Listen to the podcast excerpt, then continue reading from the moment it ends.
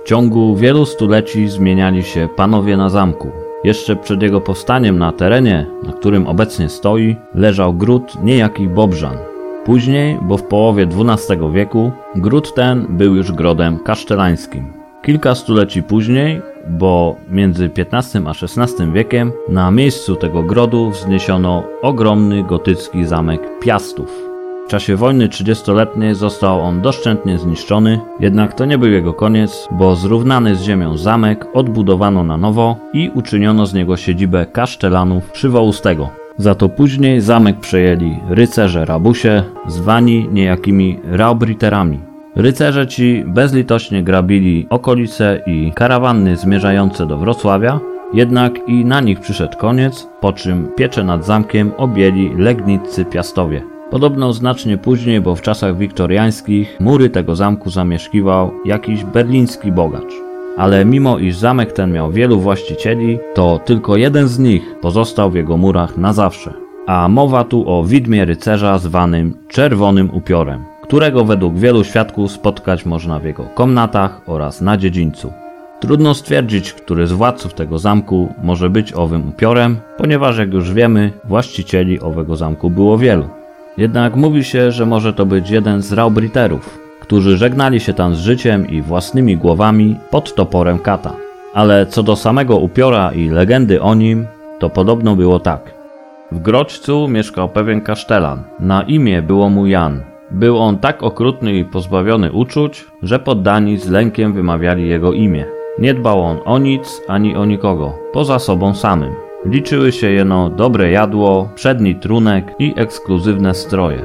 Przepych oraz władza, tylko to go obchodziło. I gdy pewnego razu zasiadł on do wieczerzy, gdzie nadmiar jedzenia górował nad stołem, a kielichy przelewały się najlepszym czerwonym winem, nagle powiało ścinającym krew w żyłach chłodem, a w drzwiach naprzeciw, zupełnie znikąd, pojawił się tajemniczy upiór.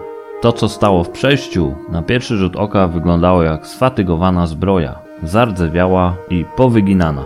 Jednak spod niej miejscami sterczały spowite robactwem kości, a spod ugiętej przyłbicy widać było puste oczodoły. Kasztelan nie wiedział na co patrzy, jednak gdy upiór poruszył się i zdjął rękawice, ten ujrzał kościste palce wskazujące na niego. Duch rycerza nakazał Janowi zmienić swoje postępowanie, z kolei ten przeraził się tak bardzo, że posłuchał go natychmiastowo i niczym za pstryknięciem palcem stał się on zupełnie innym człowiekiem. Zaczął pomagać biednym na wszelkie możliwe sposoby, a wszystkie wolne chwile spędzał na gorliwej modlitwie.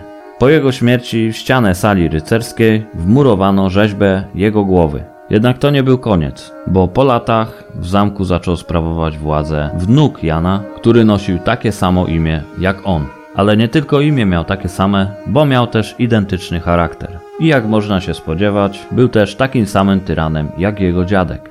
I pewnego razu młody pan chciał wrzucić do lochów poddanego, który po prostu z biedy nie mógł zapłacić podatku. I gdy młody Jan ostatecznie zapytał poddanego o pieniądze, wówczas daninę za chłopa zapłaciła kamienna głowa kasztelana, z której ust wypłynął niekończący się potok dukatów. Na widok tego oraz na trwogę boską, okrutnik zmienił się natychmiastowo i jak jego poprzednik stał się niespotykanie bogobojny i sprawiedliwy.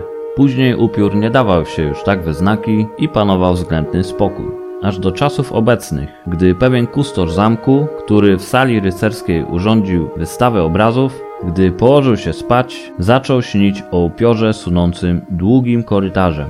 Śniło mu się, jak upiór wstąpił do sali rycerskiej, zatrzymał się przed jednym z obrazów, po czym uniósł kościstą rękę okutą żelazem Wówczas rozległ się donośny hałas. Kustosz zerwał się ze snu, gdy doszedł go dźwięk tłuczonego szkła oraz trzaśnięcia drzwiami. Według kustosza dźwięk dochodził z komnaty obok, czyli z komnaty rycerskiej. Gdy zebrał się na odwagę i poszedł by to sprawdzić, będąc już w komnacie, ujrzał potrzaskany obraz i szeroko rozwarte, ciężkie dębowe wrota. Podobno słyszał jeszcze głośne kroki, rozchodzące się gdzieś w głębi zamczyska.